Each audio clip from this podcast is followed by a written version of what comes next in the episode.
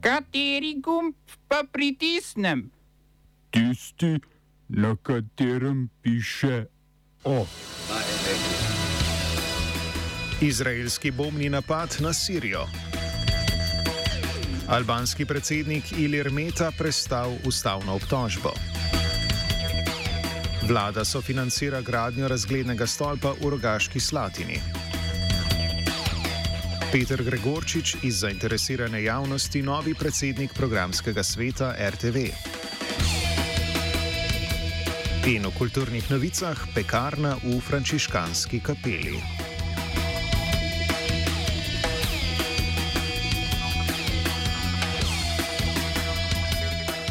Jo! Izraelska vojska je z okupirane Golanske planote na jugozahodu Sirije bombardirala mesto Zakija, ki ga nadzira Asadova vlada in se nahaja nekaj kilometrov južno od prestolnice Damask.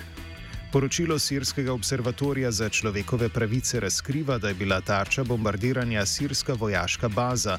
To je drugi napad izraelske vojske na sirske vladne sile in oporišča pod nadzorom Hezbolaha v zadnjem mesecu.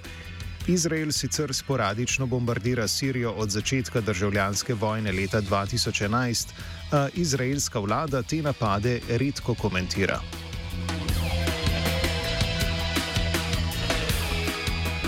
Vodja burkinafaške vojaške hunte Paul Henri Damiba je zaprisegel kot predsednik države.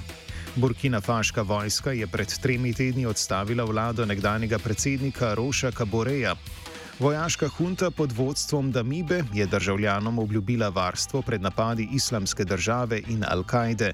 Zaradi vojaškega udara so države članice gospodarske skupnosti zahodnoafriških držav na izrednem virtualnem zasedanju zamrznile članstvo Burkine Faso.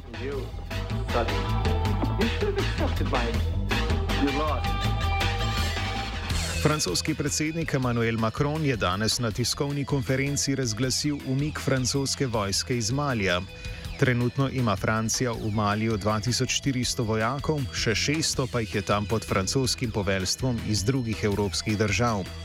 Vojaške operacije v Zahodnji Afriki so od začetka leta 2013 skupaj terjale življenja 58 francoskih vojakov, od tega jih je 48 umrlo v Maliju.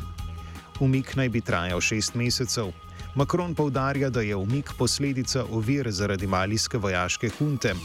Odnosi med Francijo in Malijem se že leta slabšajo, dokončno pa jih je presekal nedavni državni udar. Hkrati z umikom iz Malija je Macron napovedal nadaljevanje boja proti islamističnim milicam. To naj bi v prihodnosti potekalo iz sosednjega Nigra, kjer je vlada po besedah francoskega predsednika pristala na namestitev evropskih vojakov.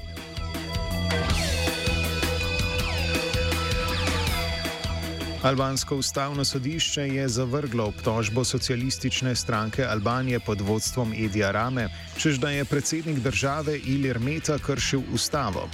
Socialistična stranka ga je obtožila kršitev volilnega molka in javnega reda in miru ter nagovarjanja ljudstva k nasilju zoper politične nasprotnike pred parlamentarnimi volitvami leta 2020.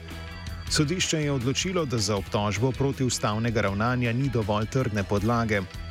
To je drugi poskus vladajočih socialistov, da bi odstavili Ilira Meta. Prvič so mu socialisti očitali, da je protipravno zavrnil razpis lokalnih volitev leta 2019, potem ko se jih demokratska stranka in socialistično gibanje za integracijo nista želela udeležiti. Metov predsedniški mandat se bo sicer iztekel 24. julija, ko so na sporedu predsedniške volitve.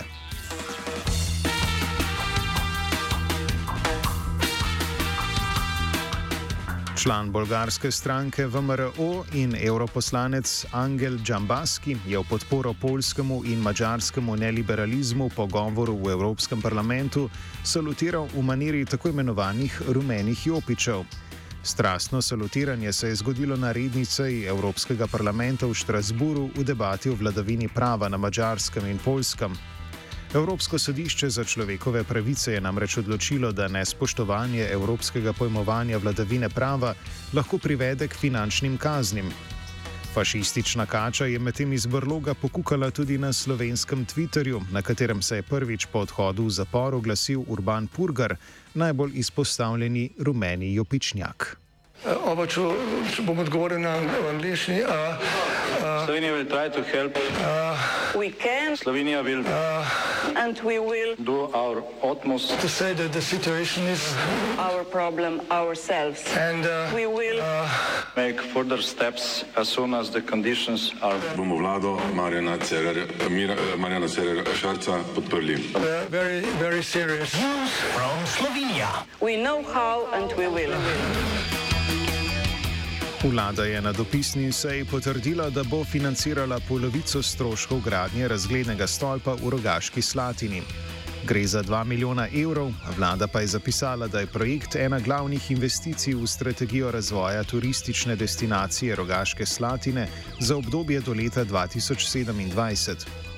Znesek postavitve 106 metrov visokega stolpa se viša in sicer naj bi najnovejša cena izgradnje znašala 4 milijone evrov, o čemer bodo svetniki razglabljali na seji prihodnji teden.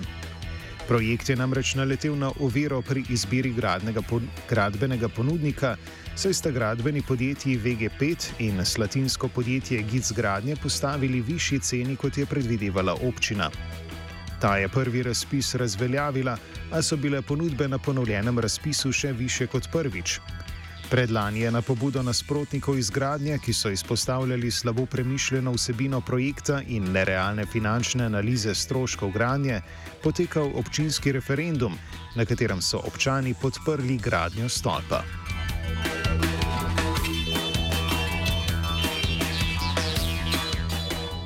Na ustanovni seji novega programskega sveta RTV je bil z 28 od 29 glasov za predsednika izvoljen Peter Gregorčič. Gregorčič se sicer ukvarja tudi s komentatorstvom na Novi 24 TV in na Planet TV. Kot kaže, so njegove edine kompetence za upravljanje vloge predsednika programskega sveta priljubljenost med gledalci strankarskih propagandnih glasil Slovenske demokratske stranke. Na položaj namestnika so svetniki z 21 glasovi postavili nekdanjega direktorja DUTB Andreja Prebila.